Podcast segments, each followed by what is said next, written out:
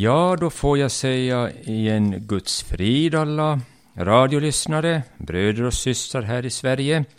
Och jag ska tala över ett intressant ämne som jag för ett antal år sedan hade i Stockholm på Bällsta. Ett bibelstudium där, där jag tittade då i Daniel kapitel 11. Och med tanke på att vi har en oros här i Europa som påminner mycket om just det som står i Daniel kapitel 11 så ska jag den här stunden, det här kommer att bli som i två delar, att den första delen kommer vi att titta lite på den historiska skeendet, Daniel 11, och sen finns det ett antal likheter sen som vi ska titta på den andra delen om vår moderna tid. Och det här jag ska tala om nu har ju hänt i historien. Och jag brukar säga som så att Daniel, om någon undrar, så Daniel är den, tycker jag, den bästa profeten. Alla profeter har ju mycket gott budskap, det ska vi ha klart för oss. Men jag tycker att Daniel är mer rakare, för han ser ju också in i vår framtid. Och allihopa som känner till Daniel vet ju att han var ju ung pojke när han fick uppleva det här Jerusalems förstörning. Och när konung Nebukadnessar från Babylon kom och tog hela Jerusalems befolkning och is, judafolk ska jag säga, för att Israel hade då, om vi går kort, kort tillbaka så att vi får en liten blick i det hela, så under konung Salomos tid var ju Israel ett stort rike. Och vi vet att sen när Salomo gick bort så delades riket i två delar, Nordriket Israel och Sydriket Juda. Och där vet vi då när vi läser konungaböckerna och krönikeböckerna så var det ju goda kungar och dåliga kungar. Och Israel, Nordriket, var det första då som försvann i historien. Eh, Assyrien tog över det området. Därpå, ett antal 200 år senare, var det judatur att lämnas in under det babyloniska imperiet. Och både Jeremia fick ju se de här allvarliga synerna och alla också som har läst Jeremia bok har också sett i slut, sista kapitlen i Jeremia bok, nämner han just om, om Babylon som ska komma och föra bort Israels folk, då, eller judafolk, då i fångenskap på grund av att man hade vänt Gud ryggen. Och man hade inte velat lyssna till Jeremias varningar. Gud hade talat till honom vad som väntade judarike. Och eh, mm, Jeremia var inte populär bland de styrande för Många klagade på, på honom att han bara predikade och sa dom. Men allt var ju förberett att Nebukadnessar skulle ta Juda på grund av att man hade vänt Gud ryggen. Och det vet vi också att historien nämner ju detta då att konung Nebukadnessar var 587 f.Kr. så kom han då till Jerusalem. Han belägrade Jerusalem och förde sen då bort folket i fångenskap till Babylon. Och där var ju Daniel fick ju följa med då hans vänner och jag hade läst någon förklaringsbok att Daniels kunde varit 15-16 år när han blev krigsfånge med sina vänner. Då. Jag har också läst i samma bok att då skulle både bägge profeterna Hesekiel och Jeremia följt med, men det var ju som tre olika deportationer man gjorde. Men alla tre hamnade i Babylon till slut. Och vi vet ju att eh, Hesekiel fick också många märkvärdiga, intressanta profetior och syner sen när han satt vid en flod i Babylon. Så då vet vi lite om den bakgrunden då om Daniel. Och det här, han var ju ung pojke då han kom då till det här väldiga världsriket Babylon, Nebukadnessar. Och vi ska kort lite bara Daniel då. Första kapitlet han, handlar ju om Daniels fångenskap och uppfostran i Babel.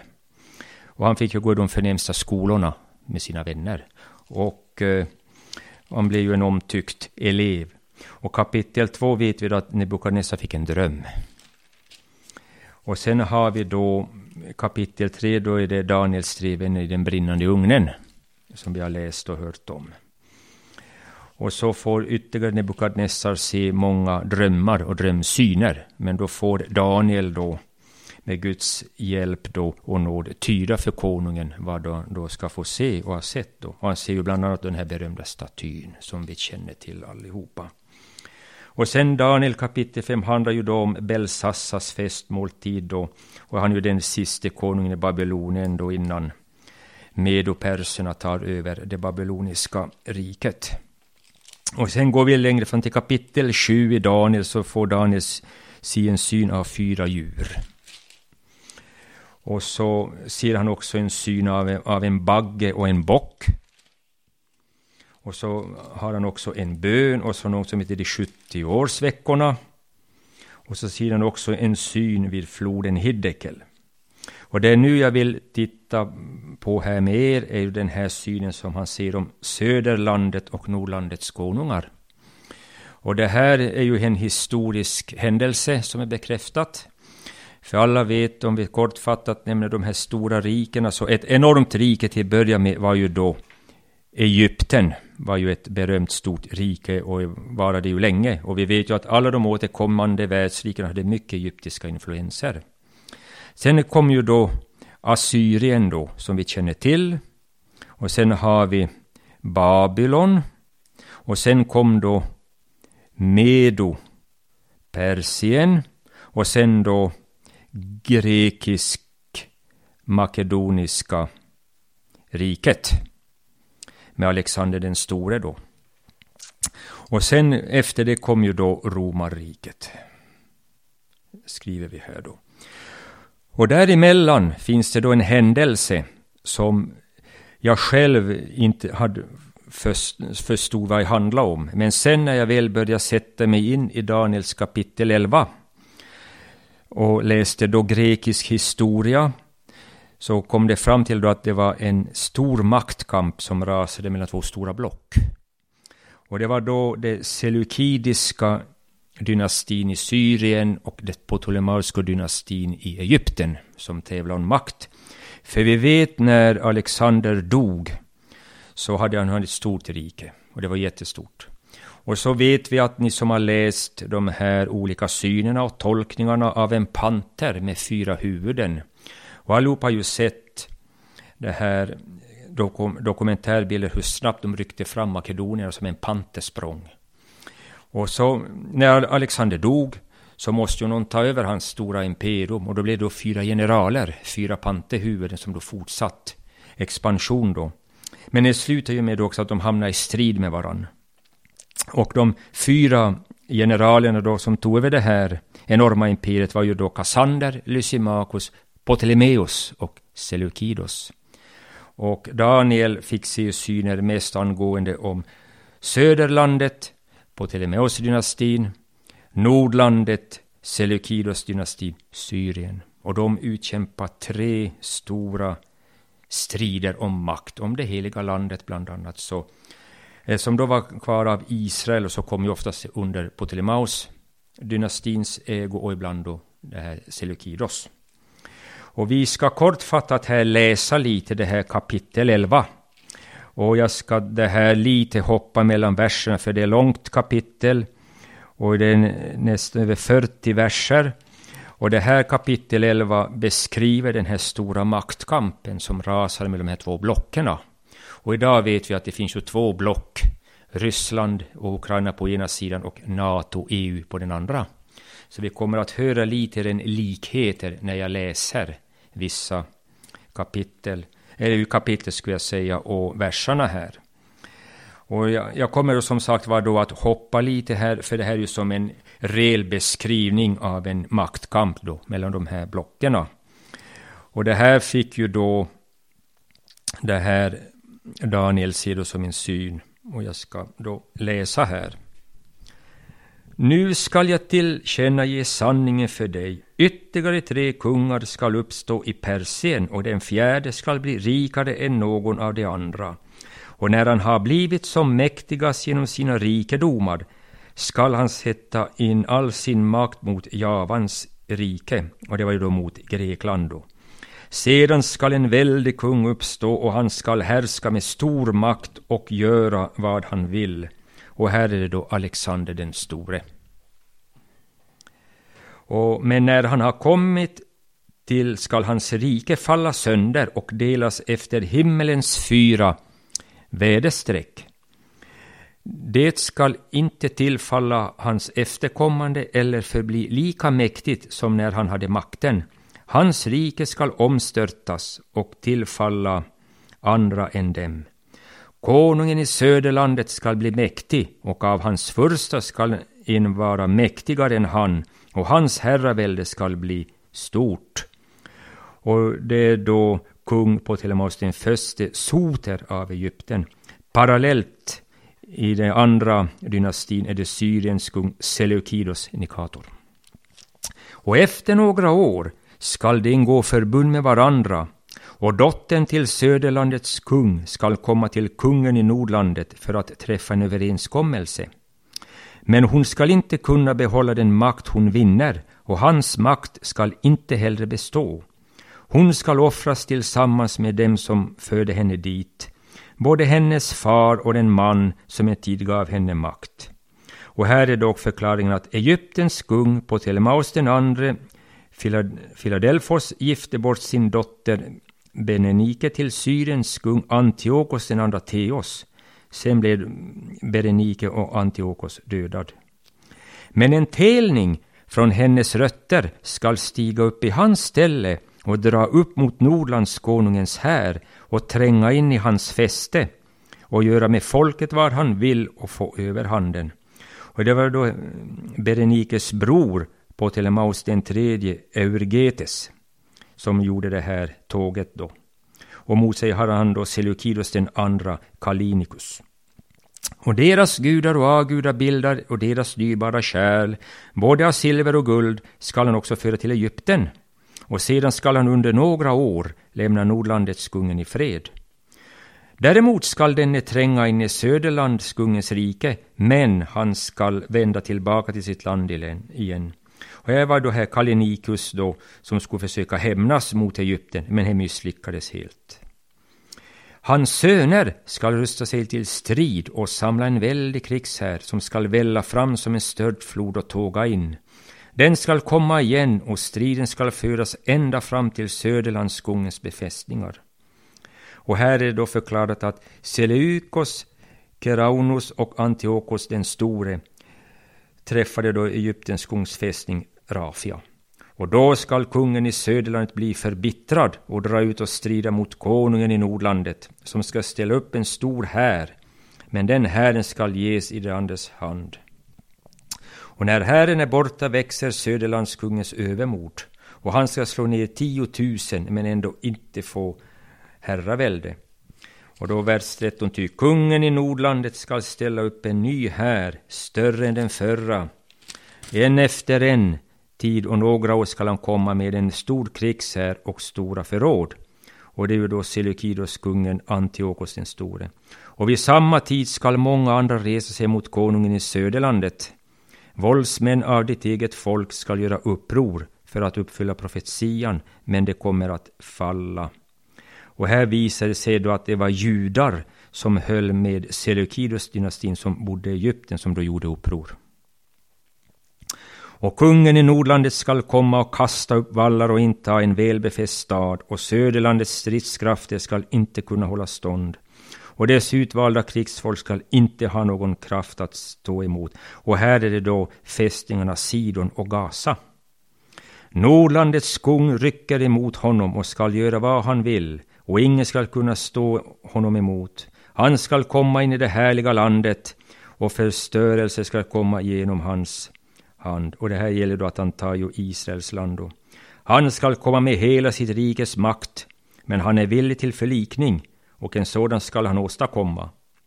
Han skall ge kungen av söderlandet en av sina döttrar till hustru för att fördärva honom, men detta skall inte lyckas och inte vara till hans fördel.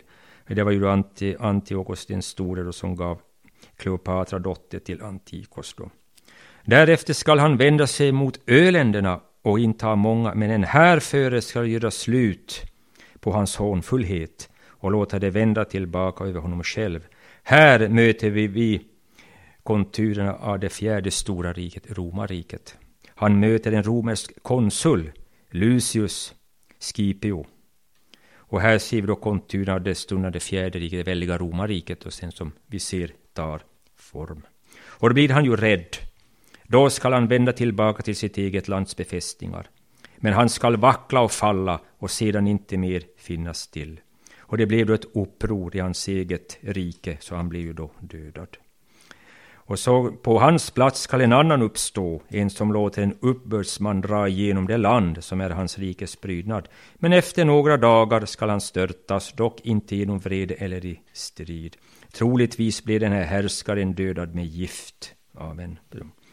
Men sen kommer då en kraftfull kung, och i hans ställe skall en föraktlig man komma, en som man inte har givit kungavärdighet.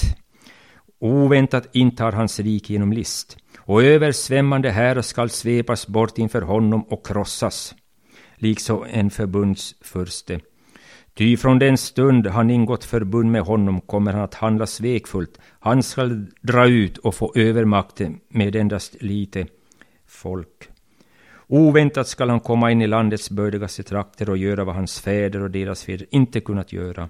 Byte och rov och gods skall han strö utåt sitt folk och intill en viss tid gör han upp onda planer mot befästa platser. Och här står det att han skall uppbåda sin kraft och sitt mod mot kungen i söderlandet och komma med en stor här. Men kungen i söderlandet skall också rusta sig till strid med en mycket stor och mäktig här. Han ska dock inte kunna hålla stånd på grund av de stämplingar som görs mot honom. Och så läser vi vidare att det som äter hans bröd skall störta honom. Hans här kommer att svepas bort och många ska bli fallna och slagna. Och här kommer jag också att nämna i näst andra delen att båda kungarna kommer att ha ont i sinnet där de sitter tillsammans vid samma bord, talade lögn. Men det skall inte ha någon framgång, ty ännu dröjer slutet till den bestämda tiden. Andra delen ska jag nämna lite i modern tid hur man har delat upp i öst och väst. Och nu ser vi idag Putin och Biden. Hur man sitter vid samma bord genom ombud. Lavrov och Blinken. Så här ser vi ju exakt det som den här profeten Daniel fick se, ser vi nu med våra egna ögon idag, i nära tid. Och sen läser jag då bara vidare att på en bestämd tid skall han sedan på nytt dra ut mot söderlandet, men den senare gång skall det inte gå som den förra. Ty käpp från Kittim skall komma emot honom och då skall han förlora modet. Då skall han vända tillbaka och rikta sin vrede upp mot det heliga förbundet och ge vreden fritt utlopp. Och när han har kommit hem skall han lyssna till dem som har övergivit det heliga förbundet. Här var just den här Nordlandskungen. Han mötte de här romerska krigsskeppen. och han blev rädd för dem så att han fick helt enkelt nog och återvände hem. Och härar från honom skall komma, och de skall orena helgedomen, tillflyktsorten, avskaffa det dagliga offret och ställa upp förödelsens styggelse. Här stannar jag för att eh, efter det här, man läser de vidare verserna 32 fram till, till det här 39, så är det ju bilder på Antiochos den fjärde Epifanes. Och eh, många har ju menat att han är ju en förebild på Antikrist. Jag har läst många böcker.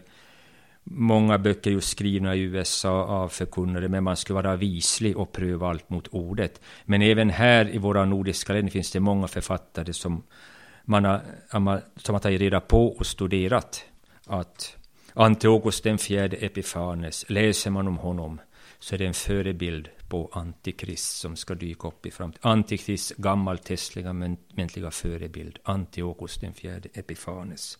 Och här står det också hur han kommer att se ut och jag ska läsa det också. Han kommer inte att visa någon aktning för sina fäders gudar och inte heller för den som är kvinnors lust eller för någon annan gud, utan han ska upphöja sig över alla.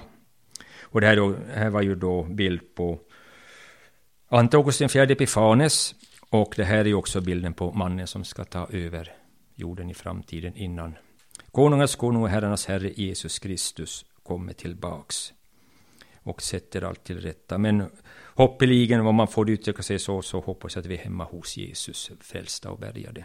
Allesamman som har tagit emot honom sin personlige frälsare och räddare. Och det här, jag ska inte gå in på, för det är enormt mycket intressant vem den här personen skulle kunna vara, för det är rätt mycket, ska man säga, rätt eldfängt och så, men, Men jag rekommenderar varmt, om ni vill läsa om det här så kan man läsa mycket det här grekiska historien. Där får ni reda på alla om de här regenterna och allt. Och Daniel ger ju också här en bra liten blick på de här. Antiochos den fjärde Epifanes, bland annat. Illustrerad bibellexikon finns det mycket intressant uppgifter om honom. Faktiskt hittar jag en hel faktiskt, spalt om honom som de har skaffat fakta om. Så jag rekommenderar varmt de här tre delarna illustrerad bibellexikon och sök upp Antiochus den fjärde Epifanes.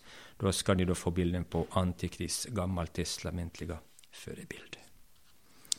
Och det här nu då, bröder och systrar, som jag tagit upp, kanske för många som lyssnar tycker att det här är, är tungt, och det här är ju som historia, och det här har ju hänt i historien.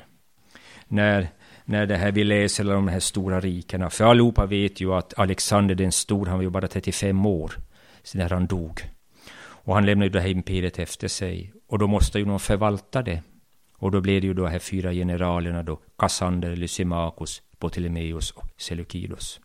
Och sen kom det ju en massa söner då som tog över de här stora imperierna då. Och som vi hörde här, de var ju nästan i luven på varann. Så jag har lite mer detaljstuderat den här historiska berättelsen och man kan säga att det var som tre krig, nästan som världskrig som de kämpade om i och med att det var så stora områden. Vi hörde att Ptolemaios-dynastin härskade över hela Egypten och delar av kanske södra arab, arabvärlden och så. Och Nordriket, Seleukidos, alla länder i norr. Så att det var enormt stora områden. Så man kan säga att det kunde vara den tidens tre världskrig då. Och så var ju då Israel då, men det fanns ju inte då, utan det var ju bebott med israeler och allt. Men de fick känna på ockupationer från norr, nord och syd då, för de låg ju i skärningspunkten. Så de fick ju uppleva de här maktkamp. Och det här var ju ren och skär maktkamp om vem som skulle ha herraväldet då i Mellanöstern. Och här ser vi ju idag, när ett stort imperium faller sönder, att det blir ju så enorm maktkamp. Vi såg nu till exempel gamla Sovjet. Vad hände? När Sovjet föll sönder, nu är det, fem, jag tror det är 15 eller 17 självständiga stater. Vi såg Jugoslavien. Sju eller åtta små självständiga stater finns idag. Och jag tänkt tanken också, vad ska hända i USA i framtiden? Ska det bli likadant där, att det splittras? För man har hört att det finns vissa delstater som är på väg att vilja lämna, bland annat Texas. Så vi vet inte vad som kan hända med USA. Många tror att USA är starkt och stabilt och har en bra ekonomi och militär och alltihopa, men Säg aldrig, aldrig, USA kan falla i bitar också, precis som alla stora imperier en gång har gjort. Och en som frambar en sån profetia är den här gamle Finnmarksprofeten Anton Johansson. Han såg USA delas upp i fyra delar. Och nu vet vi när vi läser om USA att republikaner står mot demokrater, vänstern mot högern, syd mot nord, svarta mot vita. Och också förstås då, det här olika abortmotståndare före mot Så att det är ju en ren häxkittel. Så vad ska hända i USA, det vet endast Gud alena. Vi har Kanada, franskspråkiga, engelskspråkiga. Många har också tänkt den tanken, det kan bli splittring i Kanada också i framtiden. Man vet ingenting med historien. Och som till exempel en broder i församlingen som hade ett intressant bibelstudium. Och jag tackar honom verkligen, för det kom ju fram på en av de här stora svenska dagstidningarna, DN, att det kan i framtiden finnas tio nya stater. Bland annat Eva Grönland skulle vara självständigt, Färöarna och jämst Åland, hörde, Åland skulle kunna vara en självständig stat.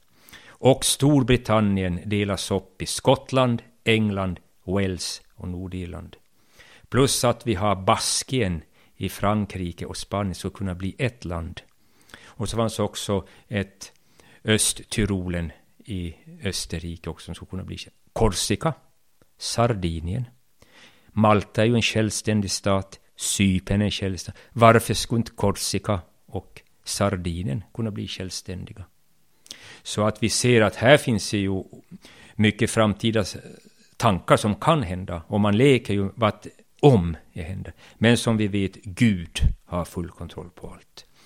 Och allt kommer att ske enligt hans vilja, inte efter våra regenters vilja, utan det sker efter hans vilja så att det profetiska ordet ska få gå i uppfyllelse. Så som vi ser, profeten Daniel var klockren när han fick se alla de här stora rikena. Var finns de idag? Vi ser ju bara historiska lämlingar. Vi såg, alla tyckte att Babylon var så mäktigt, men det blev delat åt meder och perser. Alla tyckte att det stora medo-persiska riket var enormt, men på några år föll det samman när Alexander då kom, det är grekisk-makedonsk. Men sen, vad hände? Blev fyra delar. Sen kom Rom, och vad hände med romarriket? Blev också uppdelat i, nord, i, i Västrom och Östrom. Och så har det gått genom historiens gång. Så att jag brukar säga det här, bröder och systrar, att, att jag brukar varmt säga till många jag känner, och även du som kanske tycker att det här är nästan som, de brukar säga grekiskan, men jag rekommenderar varmt, läs Daniels alla kapitel. Ni får information om vem Daniel var. Han beskriver exakt alla syner och uppenbarelser som han delade med sig med kungen Nebukadnessar. Och det här till exempel med bocken och baggen, det är ju bild på Alexander och det här Xerxes, för det var ju de som stred mot varandra. Så det är bilden på de två härskarna.